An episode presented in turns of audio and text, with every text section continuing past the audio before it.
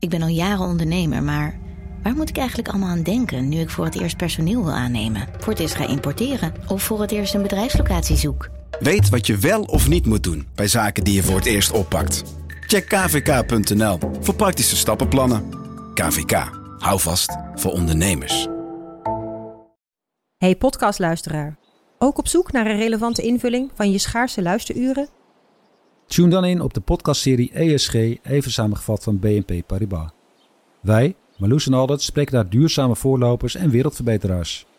Waarover dan? Nou, bijvoorbeeld of we ooit duurzaam kunnen gaan vliegen. En waarom koeien in de stad nou een goed idee is? Dat en meer elke twee weken in een nieuwe aflevering. Dus abonneer je. ESG, even samengevat.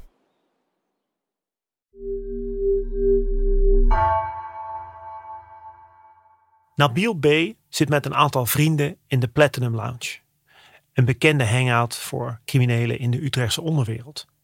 Ze spelen een spelletje Marokkaans mens erger je niet. Als op enig moment de telefoon gaat van een van zijn vrienden. De jongen schrikt.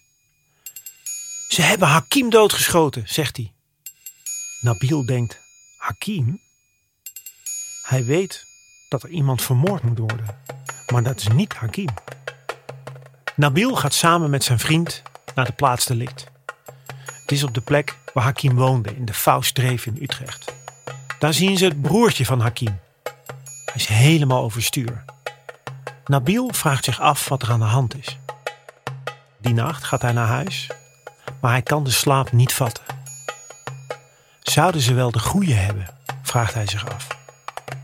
Nabil B. was namelijk betrokken bij de voorbereidingen van een liquidatie van iemand anders.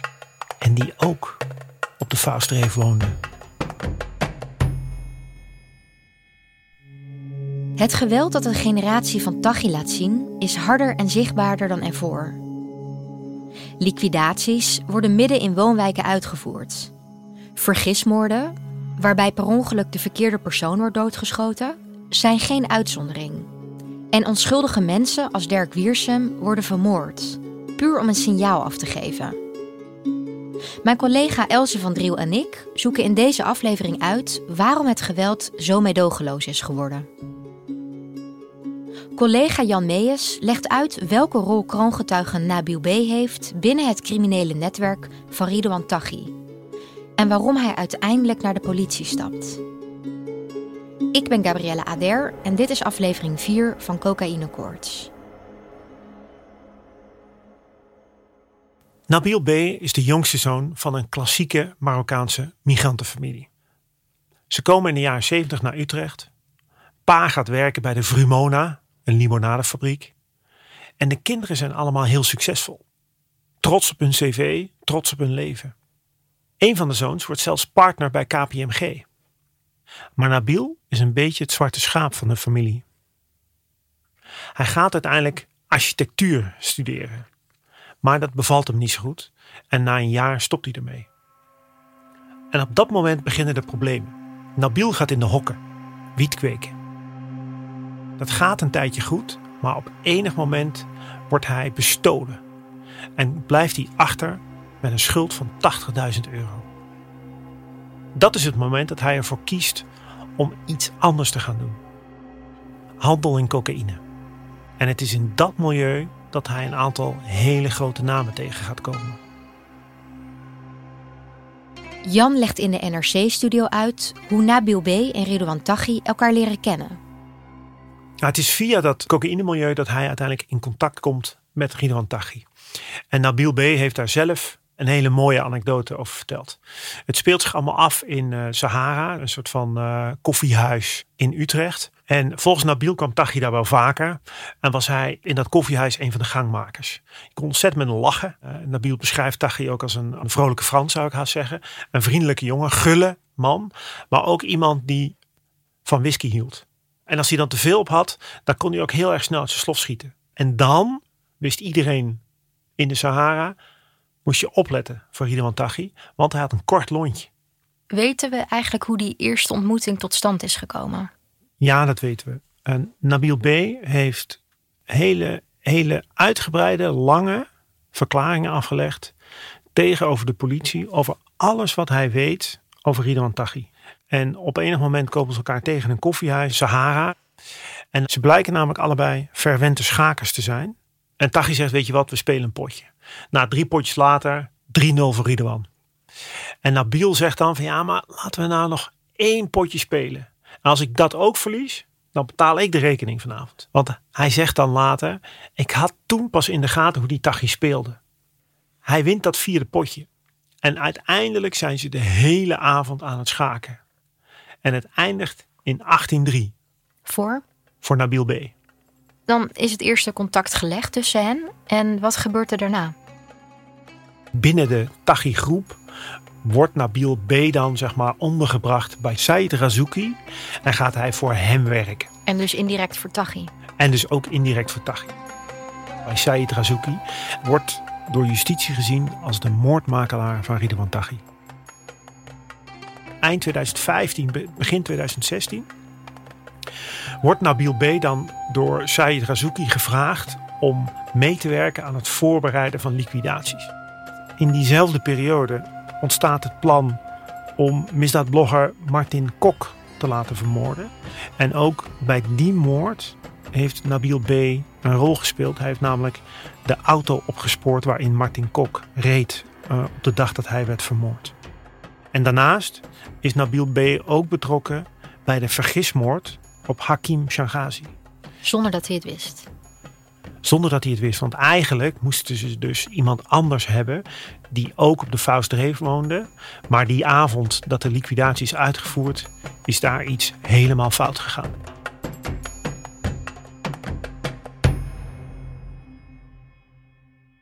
Nabil B. raakt dus betrokken bij een reeks liquidaties in opdracht van Tachi. Na de vergismoord op Hakim Shangazi neemt Nabil een beslissing die zijn leven ingrijpend verandert. Volgens het World Drug Report van de Verenigde Naties is de groei van extreem geweld in Nederland verbonden aan de groei van de cocaïnehandel. We vragen Nino Hensen hoe dat volgens hem kan. Nino is de dertiger, met een grote spin getatoeëerd op zijn hoofd, die we in aflevering 2 al hoorden. Hij zat in de jeugdgevangenis wegens gewelddelicten en is nu zelf jeugdhulpverlener. Kijk, die liquidaties hebben met geld te maken. Heel simpel, gewoon geld.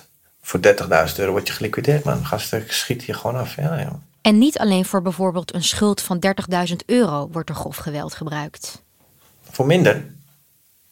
Veel minder. Ik wil geen boekje open doen, maar Mag wel. ja, dat mag wel. Ja. Nou ja, voor trots word je al geliquideerd. Voor grote criminelen als Tachi zijn de kosten voor een liquidatie een schijntje. Zo'n Taghi, die multimiljonair. Weet je, dat zijn multimiljonairs. Die leggen gewoon even eh, wat geld opzij voor je. Hoe bedoel je dat? Dat, be- dan huur, een huurmoordenaar, dat kost geld. Maar als je, dat gel- als je geld te veel hebt en het kost je 1% van je maandomzet. Marcel, op een gegeven moment zit je kook te snuiven en heb je zoveel geld dat je alles kan maken. De grote criminelen vinden altijd wel jonge jongens bereid om een liquidatie te plegen, vertelt Nino ons. Dus, dus jongeren die eh, graag die zelfwaardering willen, die iets willen bereiken, vaak hebben ze ook een laag IQ, weet je. Die worden ook gewoon misbruikt door gasten, een jaar of acht ouder. En die kennen de honger. Die zijn inmiddels daar overheen en die zeggen: Ik kan voor jou een hele grote maken als jij doet wat ik zeg. Doe dit voor ons. Hier heb je heel veel geld. En vanaf dat moment sta jij bekend als een grote gevaarlijke crimineel en niemand fokt nu met je. Dat grove geweld levert ook status en aanzien op. Als je eenmaal de keuze hebt gemaakt voor de criminaliteit. Er is één ding wat ik je op een bordje kan meegeven. Is dat als jij bekend staat als geweldpleger. Wordt de kans dat er geweld tegen jou gebruikt wordt verkleind. Het is een we- wolvenwereld. Hè? Als jij geen leeuw bent of een beer. Red je het niet. Een schaap heeft daar niks te zoeken. Nino geeft een voorbeeld uit de tijd dat hij zelf nog drugs dealde. En als je boeven onderling ruzie hebben met elkaar, dan kan je geen beroep doen op de staat, want je leeft buiten de staat. Je kan moeilijk de politie bellen als iemand je drugs heeft afgepakt. Dus wat deed je dan? ik ramde ze gewoon in elkaar. Ja. Als, als, eh, als we binnen elkaars vaarwater kwamen, dan moesten hun wijken.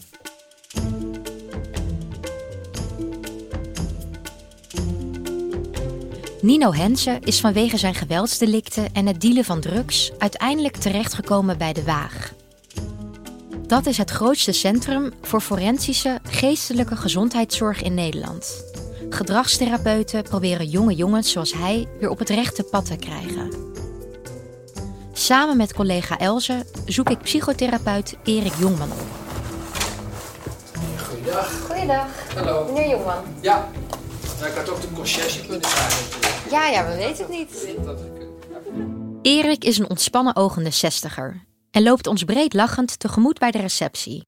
Er hangt een grote glasplaat voor de balie. Elze vroeg zich al af of dat kogelvrij eh, glas was. Nee, ik denk het niet. Nee? Het eens vragen aan de dames, ik weet het eigenlijk niet. Is dit kogelvrij? Twee dames waar ik een interview mee heb, die dachten van het ziet er zo beveiligd uit. En die dachten zou het nou ook kogel. Maar ik, ik heb eigenlijk nog nooit. eh, Nee hè? Ik denk het ook niet. Vangen ze uit de lucht gewoon die kogels. zo, het is onze tanden zo, toch? We lopen mee naar zijn behandelkamer. Erik vertelt over het grote verschil tussen de jongens die hij 30 jaar geleden behandelde en nu. Wat opvalt de afgelopen jaren is dat het steeds jonger wordt. Soms dat je denkt, holy shit, die jongen is 13, wat hij nu heeft gedaan, of 14. En dat gebeurde toen ik 30 jaar geleden begon. Dat weet ik, omdat ik het zelf toen al met die zware doelgroep te maken had. Dat was ook toen al wel eens een keer, maar dat was zo exceptioneel. En nu zie je wel dat er meer 14, 15, 16-jarigen al wel met zwaardere criminele dingen bezig zijn. En dat er dus heel snel, voordat ze 18 zijn, soms al betrokken zijn, eh, sommigen dan, natuurlijk niet allemaal, maar sommigen al bij hele ernstige delicten, zoals liquidaties en, eh, en dat soort dingen. Dus dat is echt anders. Door die snelle, criminele carrière krijgt de politie pas zicht op deze jonge jongens nadat ze betrokken raken bij zeer ernstige delicten. En je ziet gewoon helemaal niet de opbouw. Dus in één keer is een jongetje eh, die dan eh, zelf geliquideerd wordt en niemand begrijpt het. Maar hij bleek al zelf twee liquidaties te hebben gedaan en is door de andere partij gepakt. Maar dat is eigenlijk helemaal uit zicht gebleven. Erik vertelt hoe de jongens door groepsdruk op straat en onzekerheid over zichzelf naar wapens grijpen. Jij doet met je vrienden mee en zeg je ik maak jou dood en ik doe dit. Je meent er niet eens zelf van, maar het is wel stoer. Je gaat staan en dan kom je hem tegen, want je woont allemaal in dezelfde buurten. En dan kom je hem tegen en dan zeg je je vrienden, ja pak hem dan, pak hem dan. Want hij heeft jou dit over jou gezegd, hij heeft dat. Dus vanuit Enst en die druk, je moet geen gezichtsverlies leiden, maar ook gewoon pure angst. Gewoon pure angst in het lichaampje. Van toch, nu moet het gaan gebeuren. Pakken ze een mes en dan steken ze iemand gewoon dood. Of dan eh, hopelijk af en toe niet dood. Maar dat is wel van, dan zie je dat er extra dimensie komt. Hun, de media, cultuur, eh, waar ze helemaal in zitten. Dat je eigenlijk gewoon een beetje bijna weg uit de realiteit bent. Groepsdruk, angst en dan krijg je dit soort gekkigheden. Media berichten met regelmaat over onbehouden geweld. Alsof jonge criminelen maar wat doen zonder na te denken. Erik herkent dat. Maar nu heb je jongetjes van 16, die krijgen een Kalashnikov. En die weten bij voor of achter niet dat ze, ze kunnen schieten. En die gaan op een gegeven moment op jou lopen schieten. En die kunnen ook wel gaan schieten zonder dat er een aanleiding is in hun hoofd. Dus eigenlijk de, de oncontroleerbaarheid en het risico van waar je bent en wat er gebeurt, die neemt enorm toe. Veel van mijn jongens denken, zeker tussen de 16 en het 21, 22, die denken echt, ik ben ergens gewoon onaantastbaar. Dus ook al wordt er met de Kalashnikov op me geschoten, ik ben de enige die niet geraakt wordt of ik overleef het net. En dat is ook wel mooi, want ik heb drie kogels hier zitten en dat is ook wel helemaal stoer dat ik het dan overleefd doe. Dus zij zien zichzelf gewoon niet als kwetsbaar. Dat onaantastbare gevoel. Daar sprak Nino tijdens ons gesprek ook al over. Zoals hij het verwoordde, je denkt dat jij niet vermoord zal worden. Dat jij niet geraakt zal worden. Anders zou je er niet aan beginnen, toch? Dat klinkt stoer. Maar volgens Erik is er weinig meer over van die stoere mannen als ze een lange tijd meedraaien in het criminele wereldje. Diezelfde jongens die komen dan nu binnen als ze 30 zijn en die zijn zo bang. Je wil niet weten hoe bang die gasten zijn.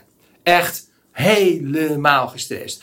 Ook nog bang dat ze vijanden hebben van eerder, dat ze zelf geliquideerd worden. eh, bang dat er dit of dat. Maar je ziet in één keer is kennelijk dat testosteron gezakt. Dat die hersenen worden wat rijper. Er gebeuren toch andere dingen. En in één keer zie je gewoon dat ze zich realiseren hoe kwetsbaar ze eigenlijk zijn.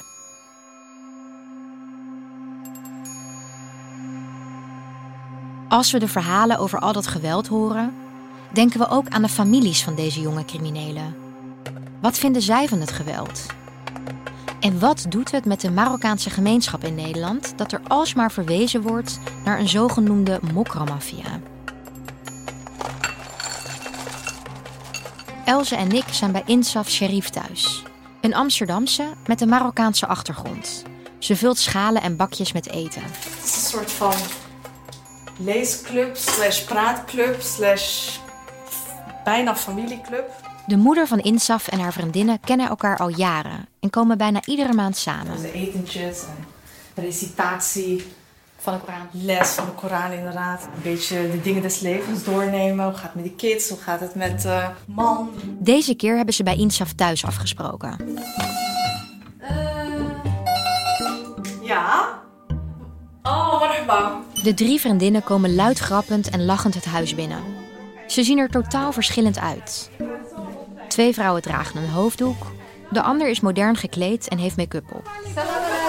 Hallo. Ik kan ook gewoon hallo zeggen.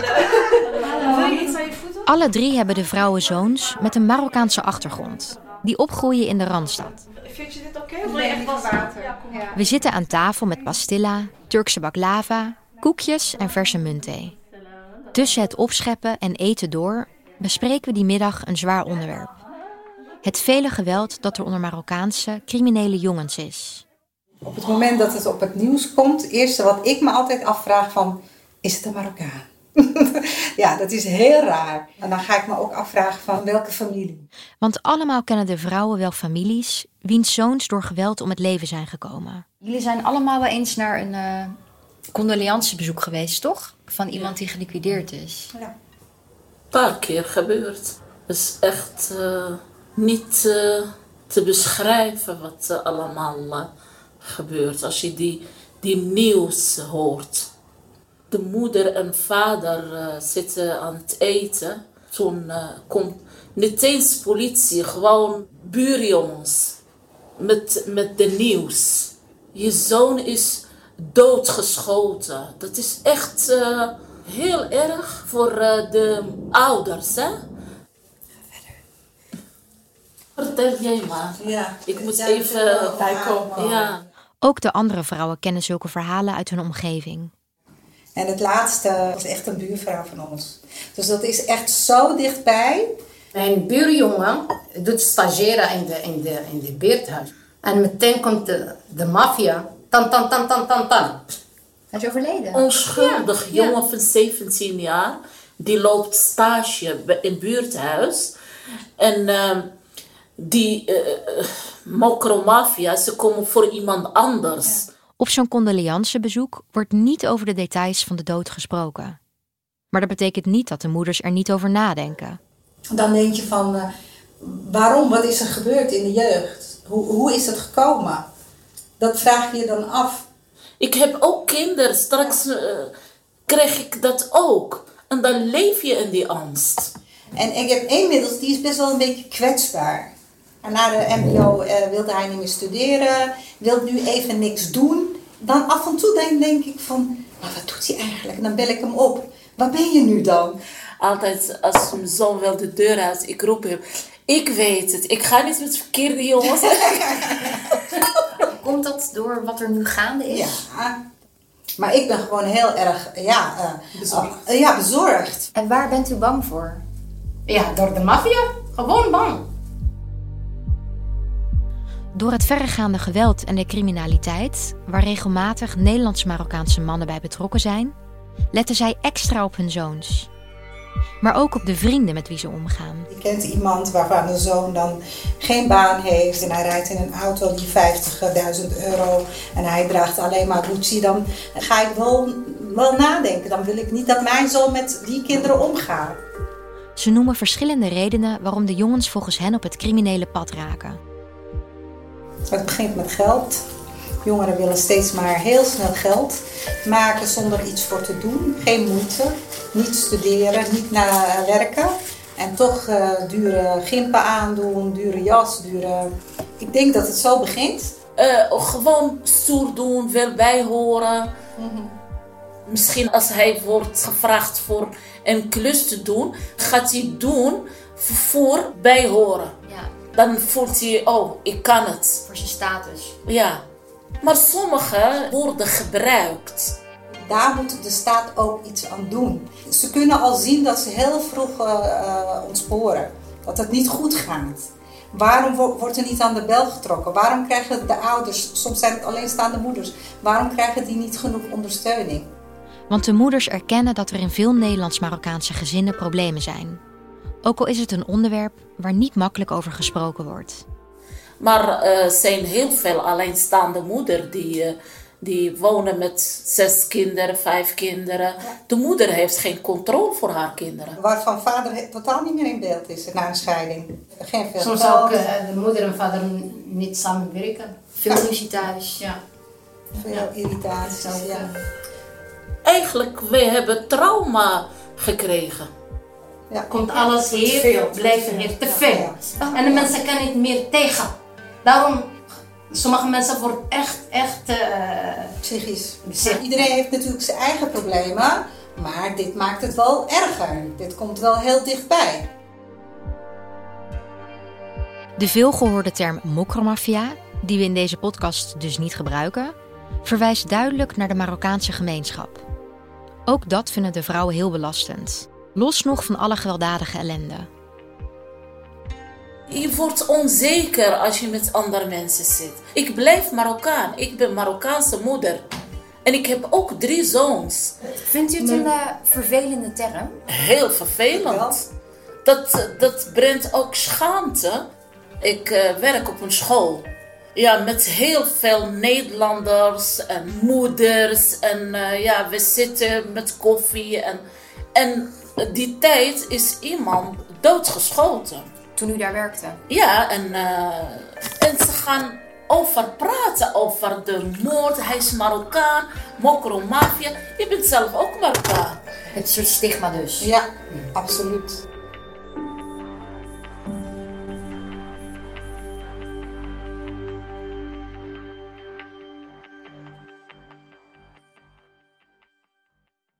De dag na de moord op Hakim Shangazi wordt Nabil B.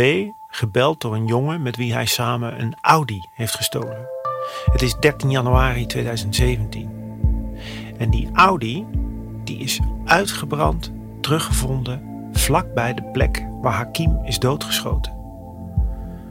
Nabil realiseert zich dan dat er iets helemaal fout is gegaan. Hij blijkt dus de auto geregeld te hebben voor de aanslag waarbij Hakim is vermoord.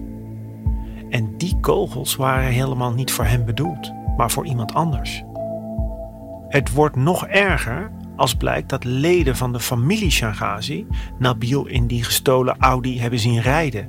Het is heel pijnlijk voor Nabil en voor die familie. Nabil beseft dan dat hij echt helemaal klem zit. Aan de ene kant is er dus die machtige familie Shangazi, die weet dat hij betrokken is bij de moord op een van hen. En tegelijkertijd heeft Nabil het gevoel dat hij een blok aan het been is geworden van Taghi. Zijn gewelddadige baas, die Nabil echt in staat acht om hem te laten vermoorden. Hij had gehoopt dat Ridwan Taghi zou zeggen: Als het zover is, dan neem ik de verantwoordelijkheid op me. Maar dat doet Taghi niet. Vrijdagavond spreekt hij nog een keer met een lid van de familie Shangazi. Nabil vertelt dat het fout is gegaan en dat dat hem enorm spijt. Hij vertelt ook dat hij handelde in opdracht van Ridwan Taghi. En dat ligt heel gevoelig in die wereld. Want Taghi doet regelmatig zaken met leden van de familie Shangazi. En nu vertelt Nabil B. dus dat diezelfde Ridwan Taghi de opdrachtgever is van een moord waarbij een van hun familieleden is doodgeschoten. Per ongeluk of niet, dit laat men in het criminele milieu niet zomaar gaan. Hij stapt nog geen drie dagen na de moord op Hakim Shangazi naar de politie en laat zich aanhouden met een wapen. Nabil B. is bereid om informatie te geven over Taghi en zijn medeverdachten in ruil voor bescherming.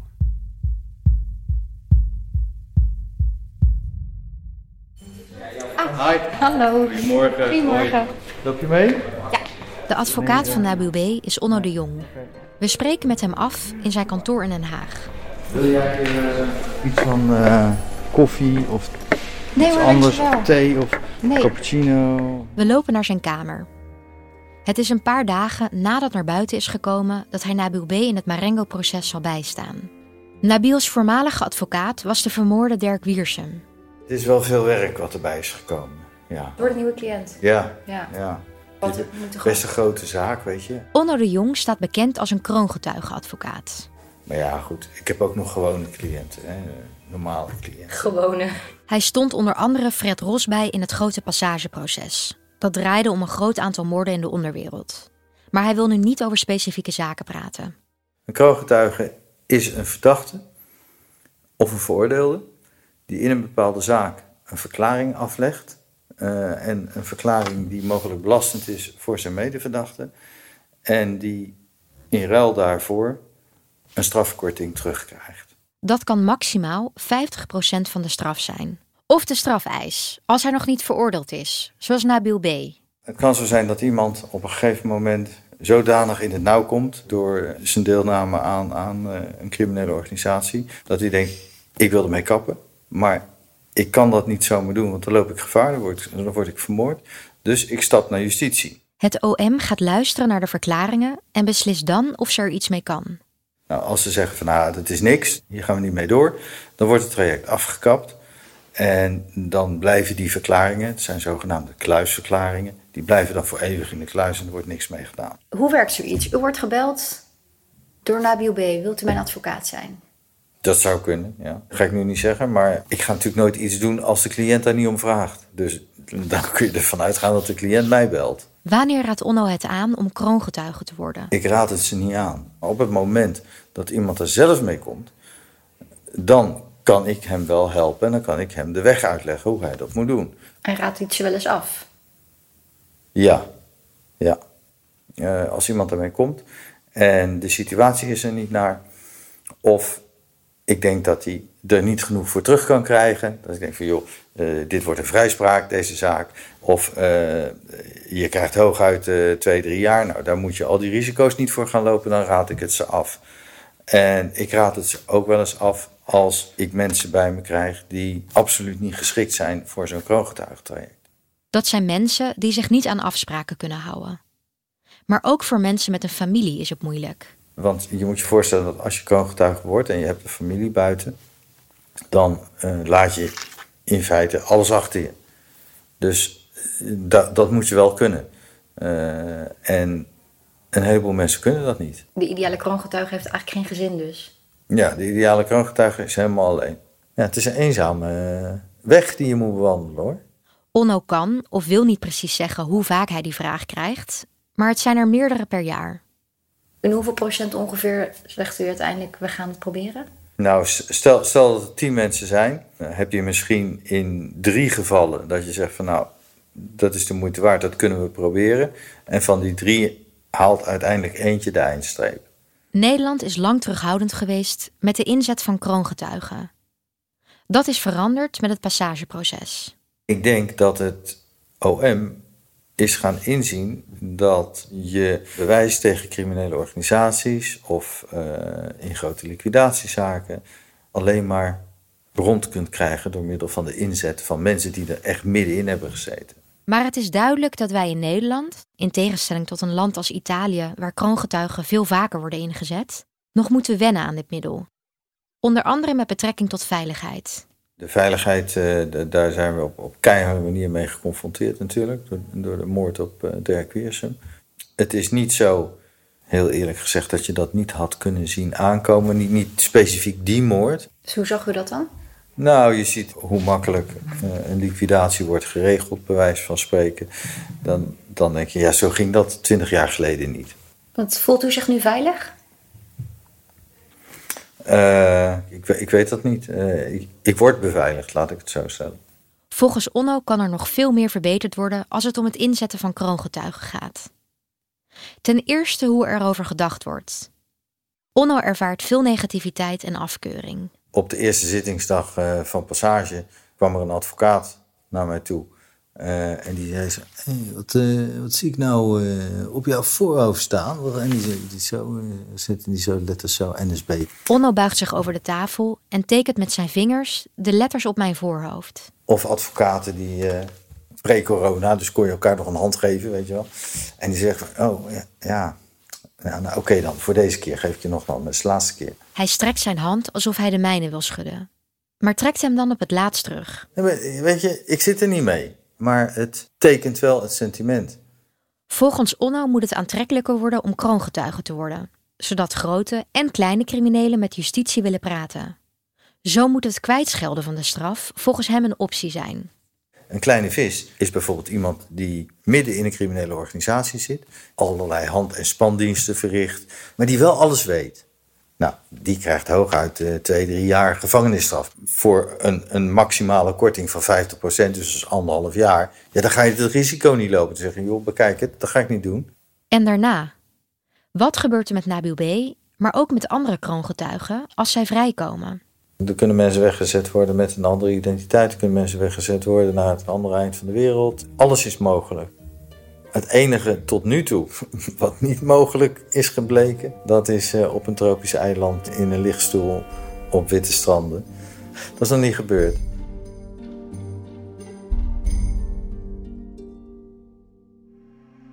Nou, die zaterdag op dat politiebureau is eigenlijk de eerste dag van een nieuwe leven van Nabil B. Dat is namelijk het leven van een kroongetuige. Hij vertelt dus over de betrokkenheid bij de vergismoord op Hakim Shangazi. Maar hij vertelt ook over zijn betrokkenheid bij een aantal liquidaties in 2016. Zo'n getuigenis is per definitie omstreden. Een kroongetuige is immers zelf betrokken bij ernstige strafbare feiten. Dat maakt hem zo waardevol, maar dat maakt die kroongetuige ook kwetsbaar. Spreekt Nabil B. echt de waarheid? Omdat het Openbaar Ministerie weet dat de betrouwbaarheid van een kroongetuige altijd een belangrijk onderwerp is, duurt het uiteindelijk bijna een jaar voordat de deal met Nabil B. gesloten kan worden.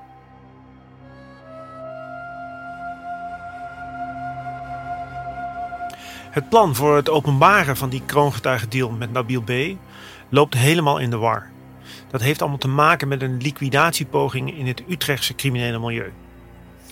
Op 18 december 2017 wordt er namelijk een aanslag gepleegd op Mo Razouki. Hij is de jongere broer van Said Razouki. Said Razouki wordt door justitie gezien als de moordmakelaar van Ridwan Taghi.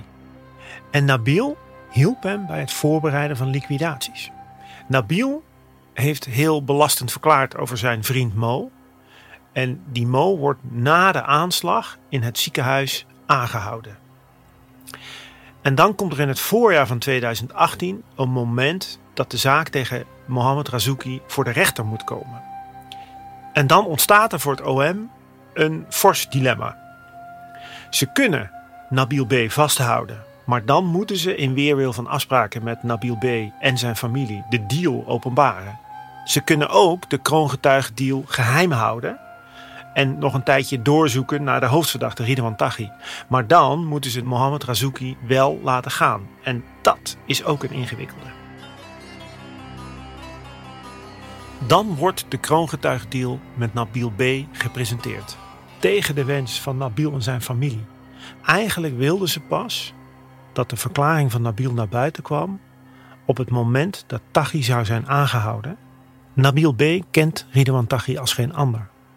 Hij is bang dat Taghi zijn familie iets zal aandoen. En uiteindelijk krijgt hij, helaas, gelijk.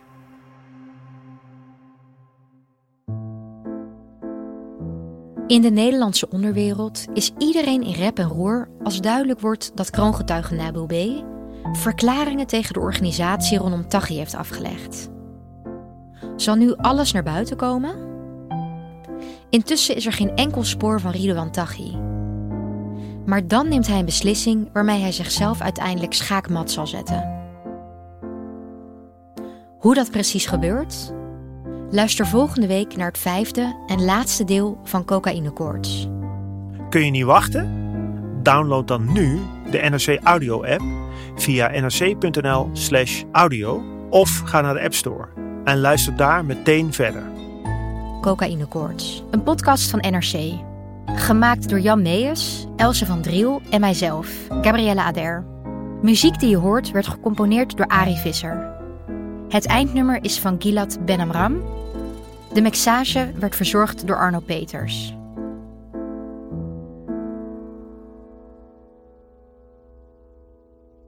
De inhoud van deze podcast is gebaseerd op een serie gesprekken met betrokkenen die waar mogelijk met naam en toenaam worden genoemd. Los daarvan doet NRC al sinds de start verslag van de strafzaak Marengo. Het materiaal dat daarbij is vergaard ligt ten grondslag aan de vertelling over Taghi en zijn medeverdachten. Zij zijn volgens justitie betrokken bij tenminste zes onderwereldmoorden, een serie pogingen daartoe en voorbereidingen daarvan. De PGP-berichten waaruit wordt geciteerd komen uit delen van het Marengo-dossier waar NRC inzage in heeft gehad.